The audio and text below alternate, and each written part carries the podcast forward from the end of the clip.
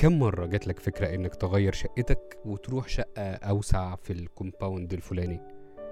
طيب هل تخيلت في يوم إن بيتك اللي أنت قاعد فيه دلوقتي اللي فيه حاجتك وممتلكاتك وأدواتك ما يبقاش بتاعك؟ ويبقى فيه حد تاني ساكن؟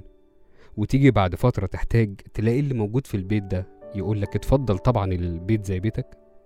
ده اللي حصل في الحكاية رقم 102 أنا مراد السيد وأنت دلوقتي بتسمع بودكاست تفاصيل. أخيرا اهتديت إلى مأوى في الدور التحتاني من بيت قديم. شخص معاه أسرته وبيدور على بيت. فأخيرا وبعد تدوير لقى شقة في الدور الأول من بيت قديم. بس بعد فترة مش طويلة اتضايق من البيت وحس إنه حر ورطوبة. فقرر إنه ينقل للدور الفوقاني. وهو أفضل من جميع النواحي يعني على حد وصفه. بس في يوم بعد فترة السما مطرت بغزارة شديدة. ما حصلتش قبل كده.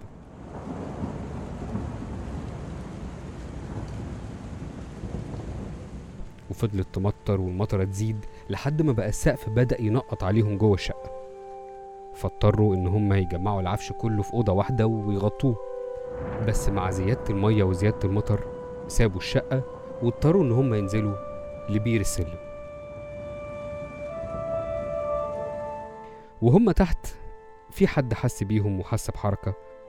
خرج لهم ومسك فيهم جامد وبإلحاح ودعاهم إن هم يجوا معاه جوه شقته.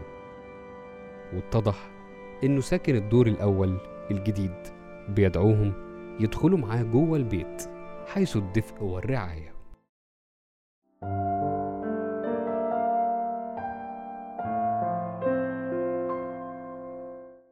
المورال. المغزى من القصة هنا عظيم جدا على الرغم من إن هي مجرد نص صفحة. الراجل هنا نسي إن في يوم البيت اللي هو قاعد فيه دلوقتي كان بالنسبة له هو المأوى.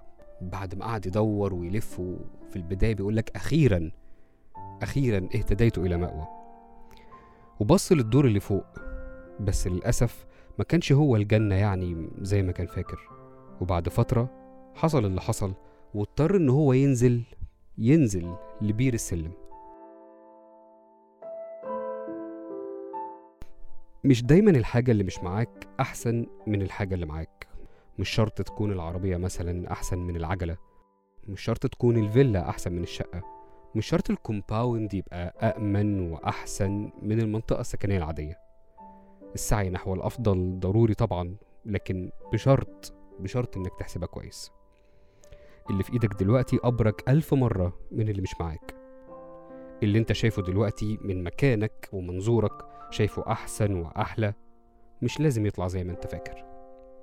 الحاجة التانية إن اللي معاك دلوقتي سواء أسرتك أو صحابك أو مراتك أو البنت اللي بتحبها لو أهملت ونسيت وسبت وبعدت غالبا أو على أقل تقدير يعني مش هترجع تلاقي الدنيا زي ما كانت.